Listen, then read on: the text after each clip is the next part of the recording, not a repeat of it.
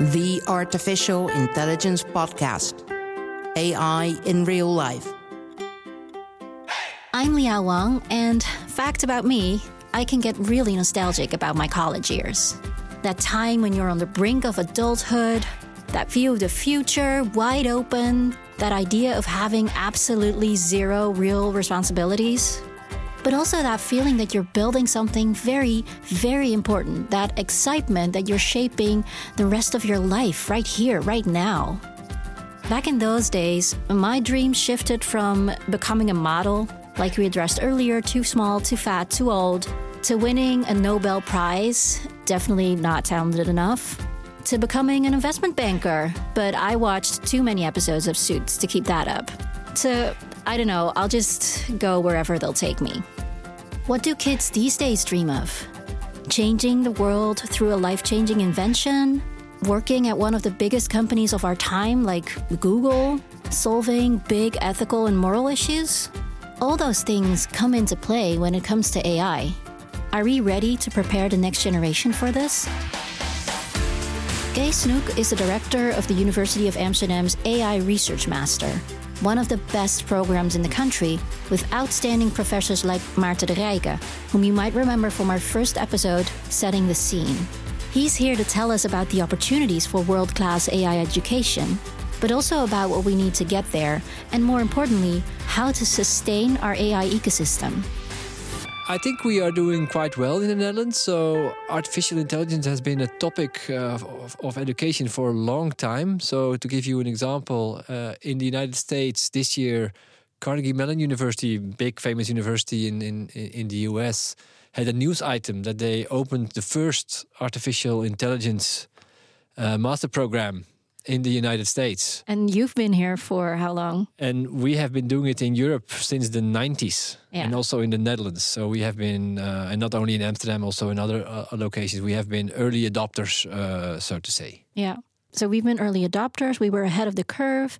Is that sort of, is that advantage something we still manage to hold on to? Uh, I would say yes. So we are. Uh, I mean, it's it's a very competitive field, and uh, people have woken up in other areas of the world uh, as well, and they uh, invest uh, big time in the in the topic.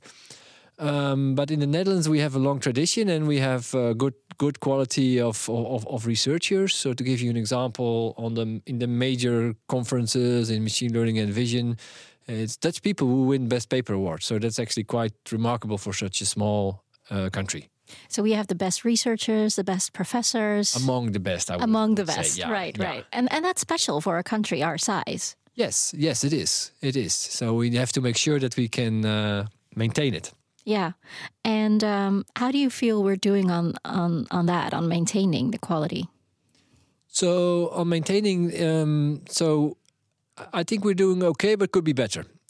So we are doing very well with uh, students who want to study AI, but we have a hard time uh, keeping the the senior people, the uh, professors and the, the researchers, the, the, the, junior professors, the university professors, to keep them uh, in academia. Which is a, a problem I can I can imagine because there's a lot of interest from students for your program, right? Yeah, it's it's huge. It's actually so huge that we have to cap the number of students, which is something we really don't like. Yeah. Because finally the topic is becoming so appealing that everybody wants to study it, and now we have to say, yeah, hold on, we have to close the doors uh, because we cannot handle uh, uh, the amount of students. And that's I'm kind of sad to hear that because one, it's sad for the students, but also it's so sad because there's such a need exactly. for data scientists, exactly. well-trained data scientists yeah. in the field. So, so what is how much capacity do you have, and how many people do you have to turn away? Yeah, well, so uh, let me first explain you how, how it works. So we have a research uh, master. So uh, that means that we really operate on, on, on the state of the art of what we know, right? And to really bring our students to that level, from their bachelor to this to the state of the art level, it requires essentially intense supervision. So it's not super scalable. It is not super scalable. That's that's that's the big problem. And uh, you also have to realize. I mean, we have been used to doing relatively small scale. Yeah. So we also it's also a mentality switch of our yeah. staff to get used to this uh, this new order, so to say, and yeah. uh, and really adapt their courses to to huge groups. Right. So it's two things. We, we are not really equipped to scale, and we also have to accept it that we have to scale. And then how many people did you have to turn away this year? So this year we had about 700 requests for uh, new students to enter our master program, and normally we have about 100, 120 spots. Wow. And so what we did is we accepted 250. So we took a big gamble, just for the reasons you were saying that everybody needs this and companies really want the skills and etc. So we admitted 250, and then eventually 200 people showed up on 1st of September. So 50 still decided to do something else to go to another lo- location. Um, so we're currently running with 200 first year uh, master students. And you had to turn away about 500. Yes. Yes. Is that something that's happening across the Netherlands? Is it just your program? Uh, no, this is uh, this is nationwide, and and of course some programs are more popular than others, but I don't have any detailed statistics on those. Yeah, but but there's a nationwide shortage of of education in this field. Yes, yes, And then you said, on the other hand, you have trouble holding on to your junior professors, to your researchers. right. So the, the problem is as follows: uh, because we have a huge amount of students, our junior professors have to spend a, a, a big chunk of their time uh, on education, and this is what they like, but they also like to do research, right? And you can only fill your week uh, with so many hours. So if you uh, do too much on on, te- on, on teaching, you cannot uh, spend it on research, Yeah. and then you lose competition with other people your age group who work um at a company like Google, where they can spend, let's say, eighty percent of their time uh, on research. They don't have to write proposals. They don't have to do teaching. So it's it's an unfair competition, so to say, because to really do relevant and high impact work, you have better chance of doing it in industry. Yeah. And while at in in academia, you are sort of like uh, punished almost with with, uh, with education uh, overload. And that's interesting to me, right? Because when I compare it to other fields, like I'm a theoretical physicist by training, for instance, there in industry, you do research, but it's not the most state of the art, advanced Right. research. You don't have the freedom. Whereas, you know, that's why you pick academia then. And then, yes, you have to teach and the pay is worse, etc. but at least you're doing what you're really passionate about. Right. From hearing you in AI, that's actually different. It has changed. So it used to be this way. So I'll give you an example. When I graduated uh, from my PhD, I really liked the topic and I was considering my options. And in the Netherlands, there was maybe one or two options. And then it was sort of like already very applied, right? So then the choice was okay, do I want to stay in the Netherlands and do a very applied type of AI or do, or do I want to go abroad? And then I had the option to stay in academia, which I really like because it, it was a postdoc really on the topic I, on my direction. So it was almost tailor made. Maybe it was even tailor made.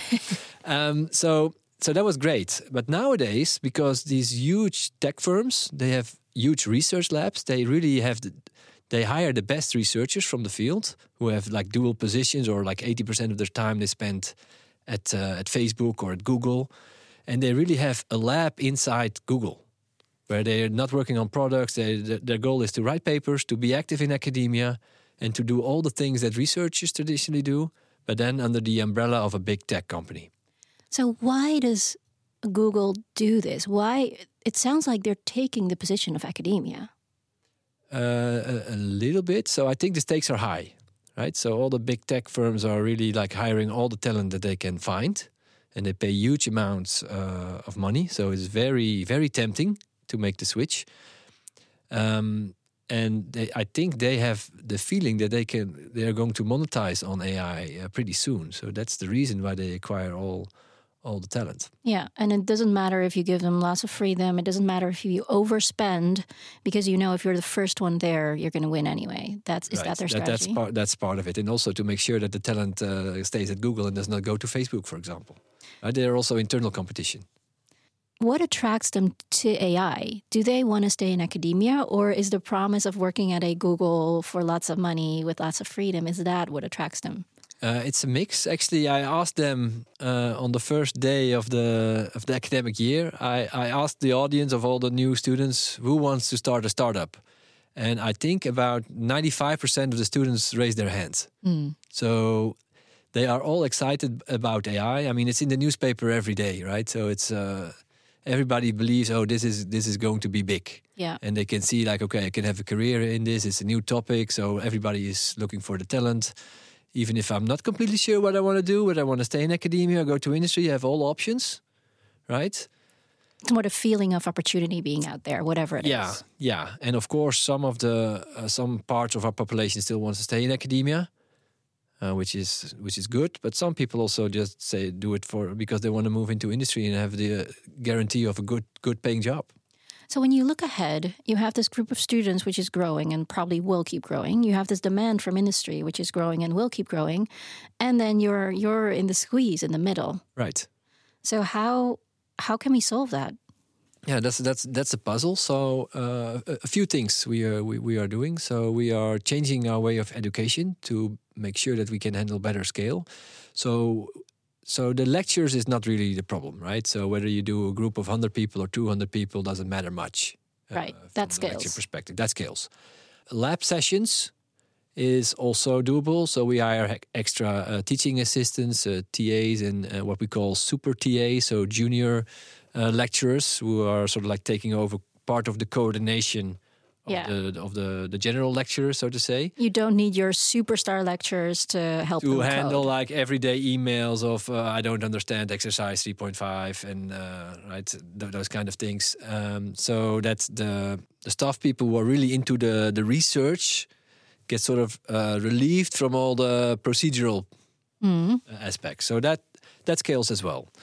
Um, there's one thing that doesn't scale, and that is uh, the master thesis. So that is really sort of like the, the cherry on the pie of the program, where students really go deep uh, under guidance of a, of an uh, expert researcher, and they really have to uh, uh, come up with something new and advance the state of the art. So that is uh, that's intense, intense supervision, right? So that's sort of like um, uh, peer supervision uh, with a mentor, and you really get a lot of contact hours.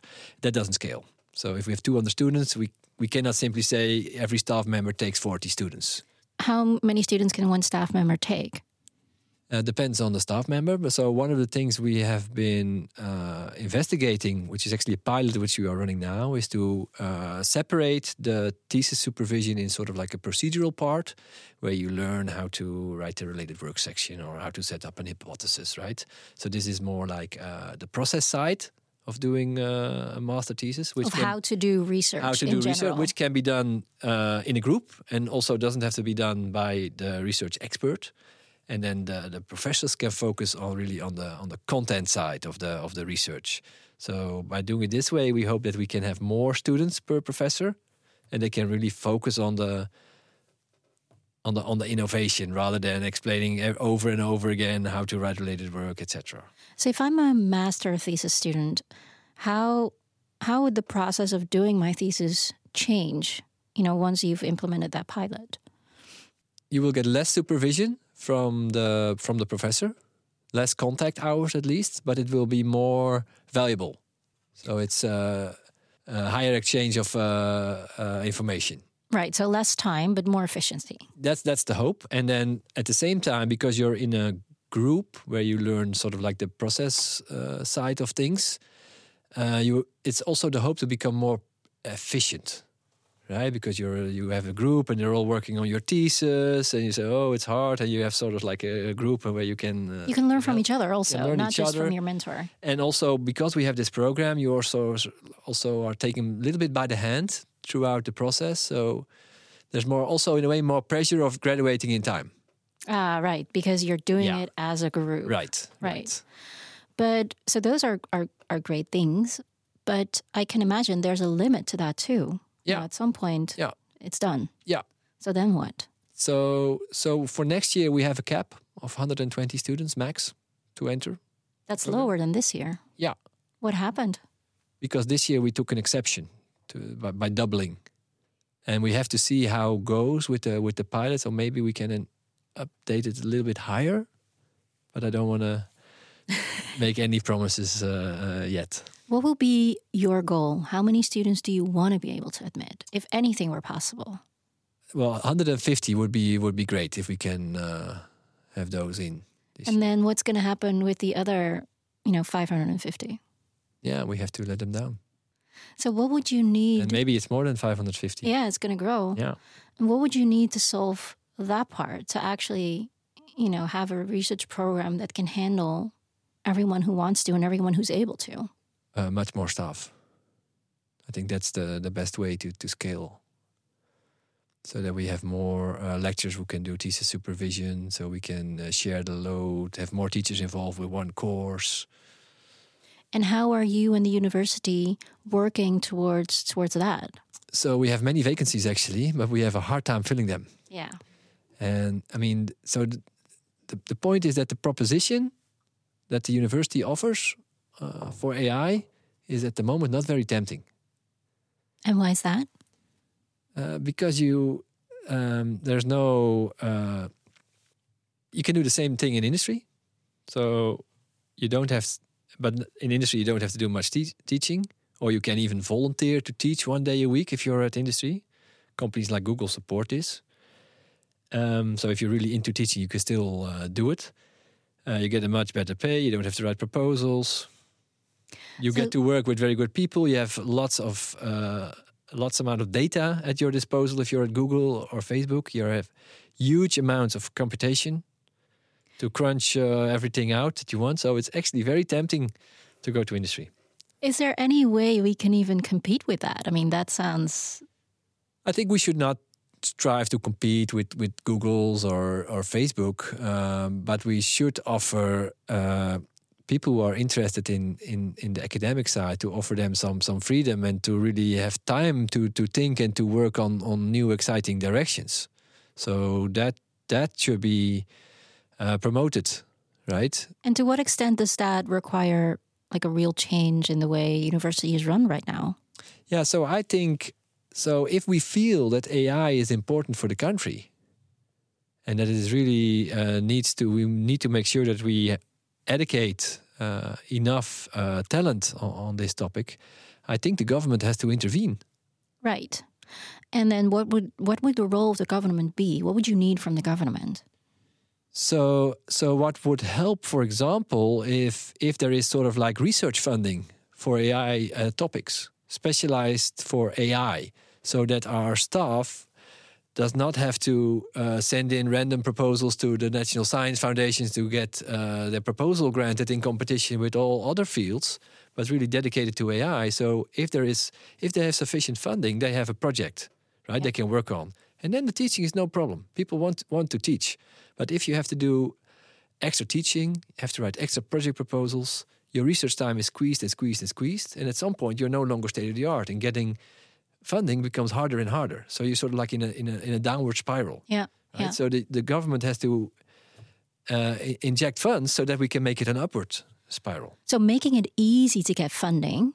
That would help. It's not even really if I'm hearing you, it's not really even really about the amount. It's about the process you, you need to go through to get there. Yeah, yeah, yeah. And I mean, it's, this is a small, small thing. So if you're a uh, assistant professor, and and you get a, a project with two PhD students, that's great, right? You can do fantastic things uh, already. And then, I mean, doing the education next to it is also great. People people love it. So that that's not the point. But they hate it when they don't get to do their research also. Yeah. And um, to what extent is, you know, when talking about the government, to what extent is it important that we have an AI ecosystem in the Netherlands with corporations and education and the government all working together to create that upward spiral?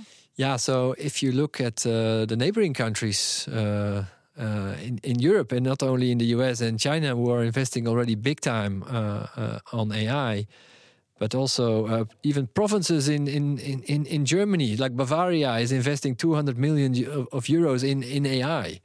And, and then in the Netherlands, we are sort of like looking at it and not doing anything. So that's sort of like, yeah, that's a, li- a small frustration. On.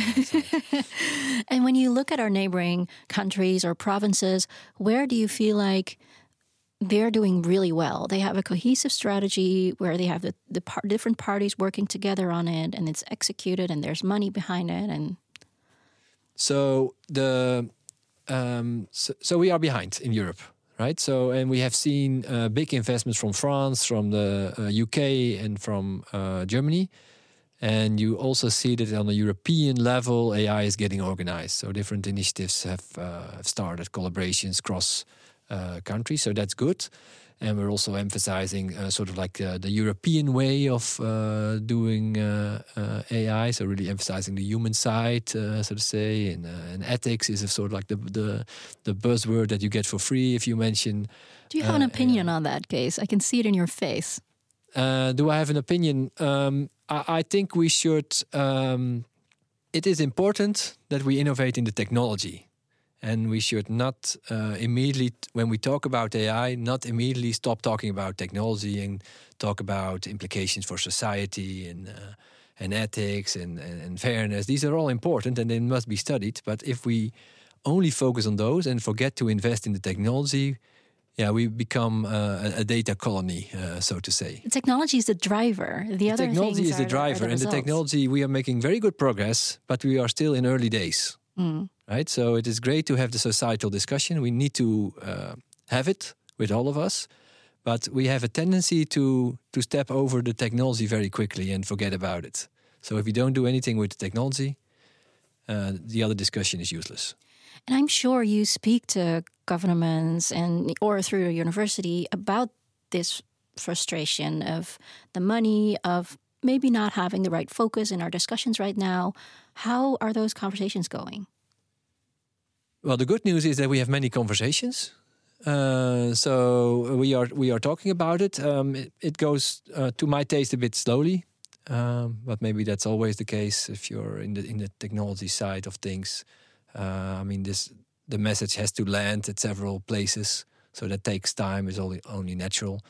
Um, but yeah, we are in an international rat race, so uh, we we should also uh, look at our neighboring countries and really see, oh, what's what's happening. And I mean, as a country, we we are we we are uh, we depend on service industry pretty much in the Netherlands, right? So we, we also need to make sure that we, we understand this new technology because it, it will have impact.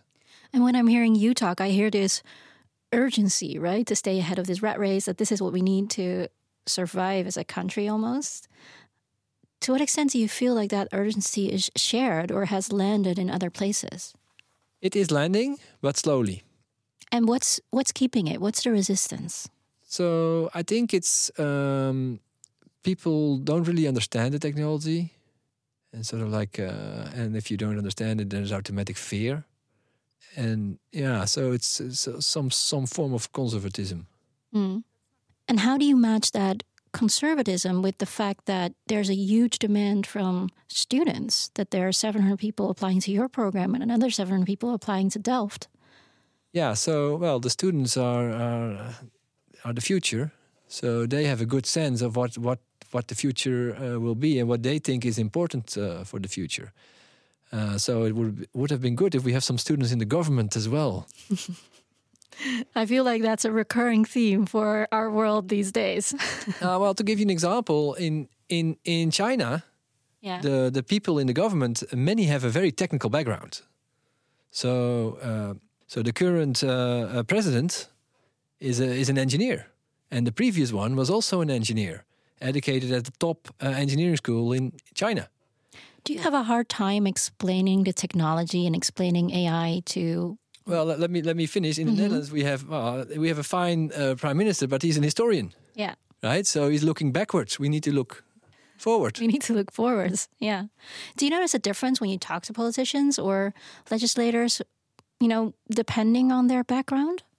Yeah. So essentially, they they have no they have no clue. So it, it depends, of course. I cannot generalize over everybody, but.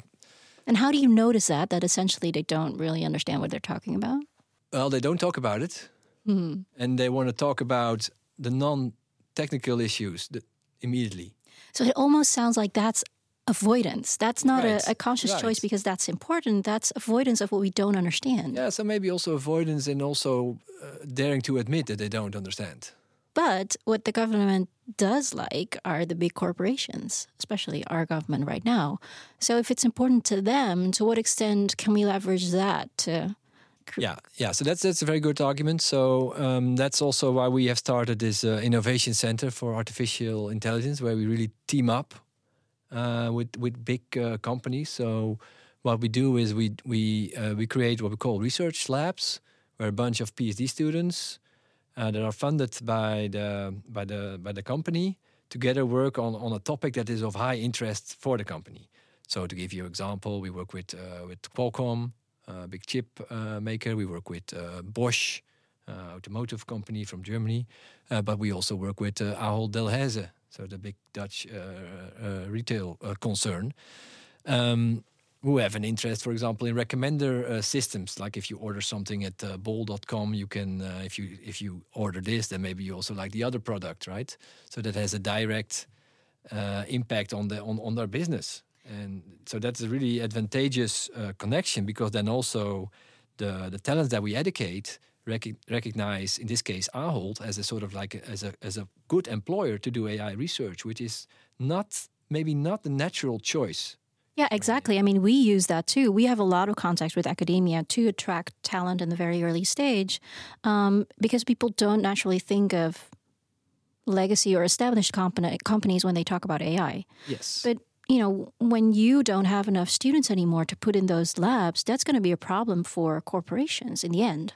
Yeah, luckily that is not happening yet. So we get huge amounts of students who still want to do a PhD. So uh, from the student side, we have no problem. We have we have too many people want to do a bachelor, a master, and a PhD. Problem starts after PhD. So when people want to do a postdoc or assistant professor or associate professor. And then what do you run into? Uh, yeah, that, that people move to industry and they are not easily to to replace. Yeah, exactly. But I think what I meant was if you don't have the capacity to educate enough people to put into industry, eventually that's going to be the problem of the industry, right? Right. Right. Yeah. So industry also has to sort of has the responsibility to not only hire or take away our, our, our faculty, uh, but also make sure that we, we maintain some uh, faculty because they have to build the ecosystem of talent and help you make your case to the government that an investment is required here. Yeah. Yeah. And to what extent is that cooperation taking place? So we, we, are we are working on this. So we, we, we have those labs, and then we also can attract uh, junior staff because it's very appealing if you can sort of like start an assistant professor job, and immediately you have five students with you in this lab. Yeah.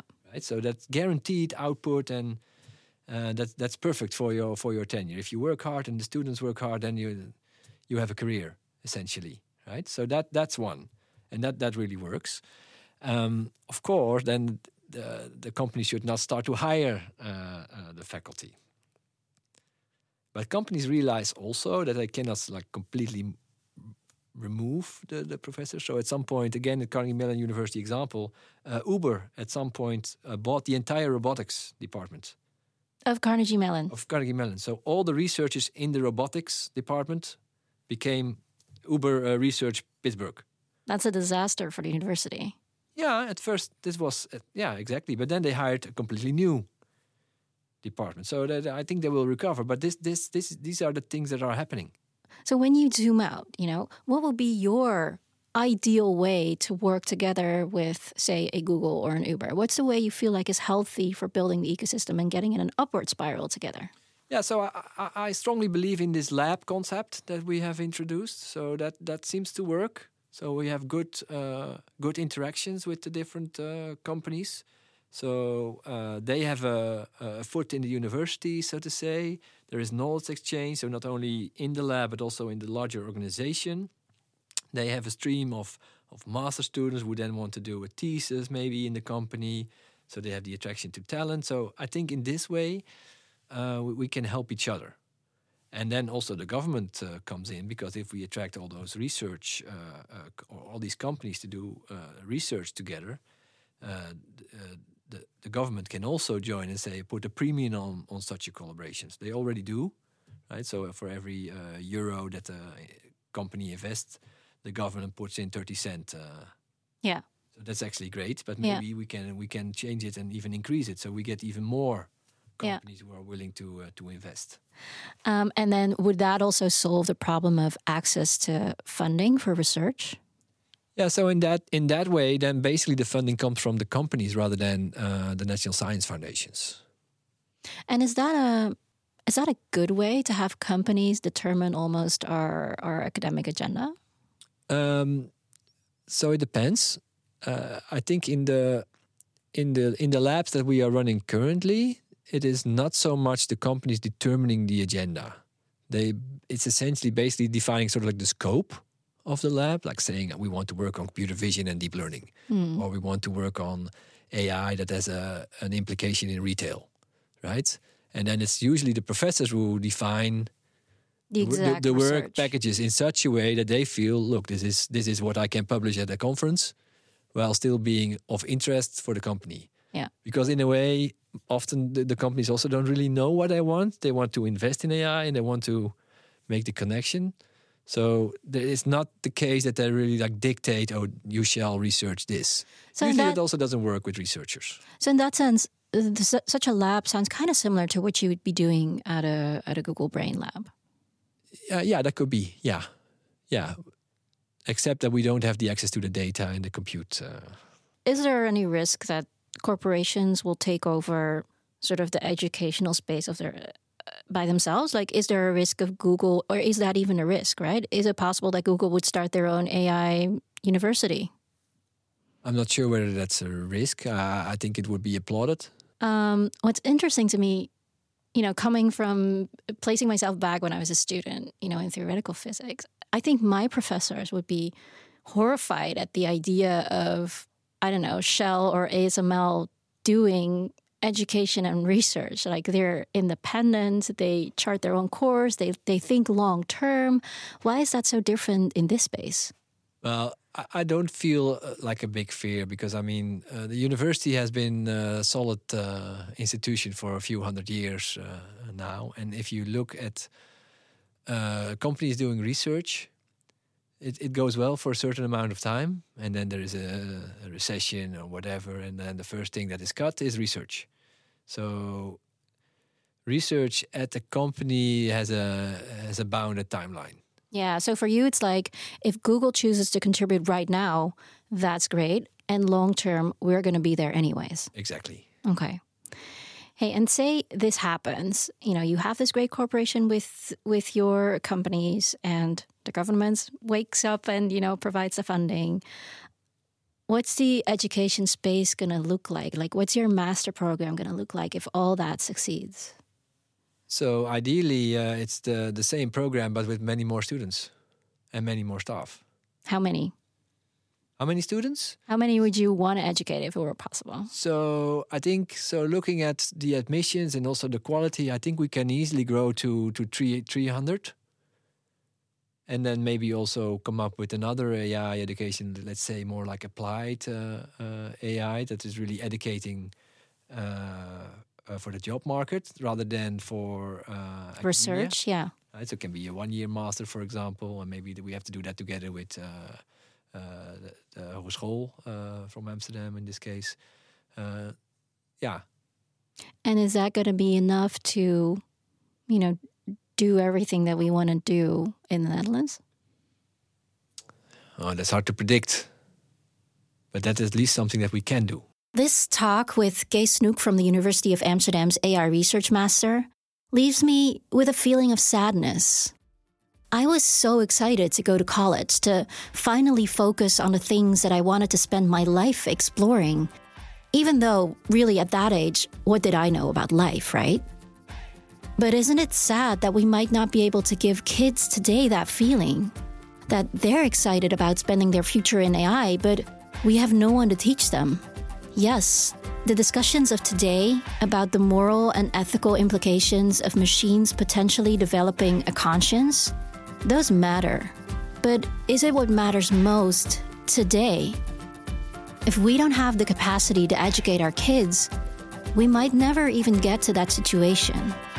Like Max Welling, professor in machine learning, put it, it's like I'm standing on the roof of my house that's on fire, and I'm worrying, am I going to die of Alzheimer's when I'm 80 years old?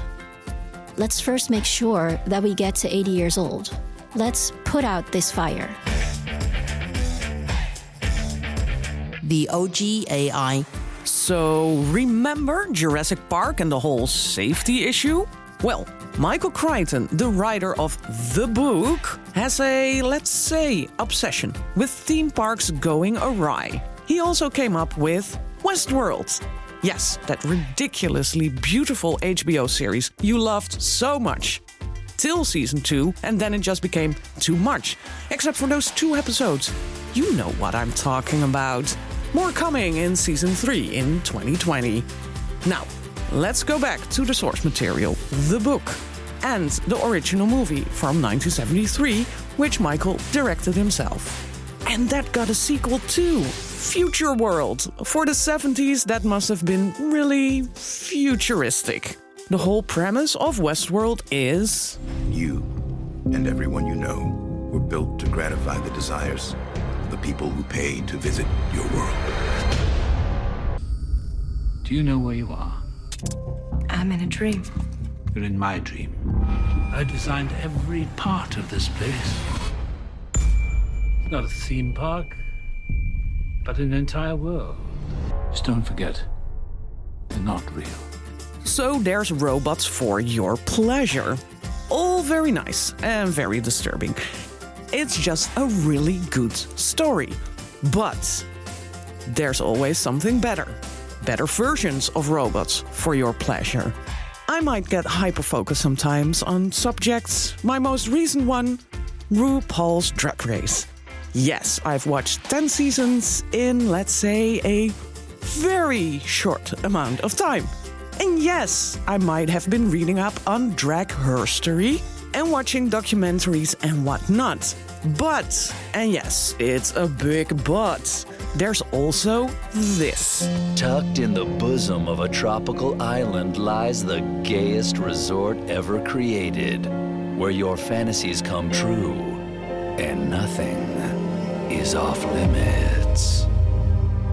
Where are all the cowboys? Muffy, darling, this place is better. It's Breast World. Ooh, look at those. Yes, Breast World. Doesn't that sound amazing? Cocktails, hot buns, breasts, and shade. If you need an introduction in drag slang, this is a good start. Or, or maybe not with all the previous season queen references. Or, or maybe it is, because now you want to see all of it. And seeing queens acting like robots just gives the whole dystopian feeling some glam. Bring back my girls. Rosie, toot and reboot. Attitude adjustment in process. Setting Bianca Del Rio. Maloney, Going down to Ivy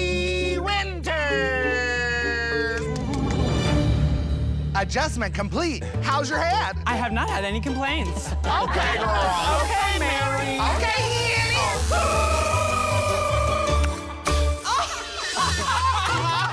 oh, Now, sachet away. Follow me for more at bnr.nl slash AI podcasts or on your favorite podcast app.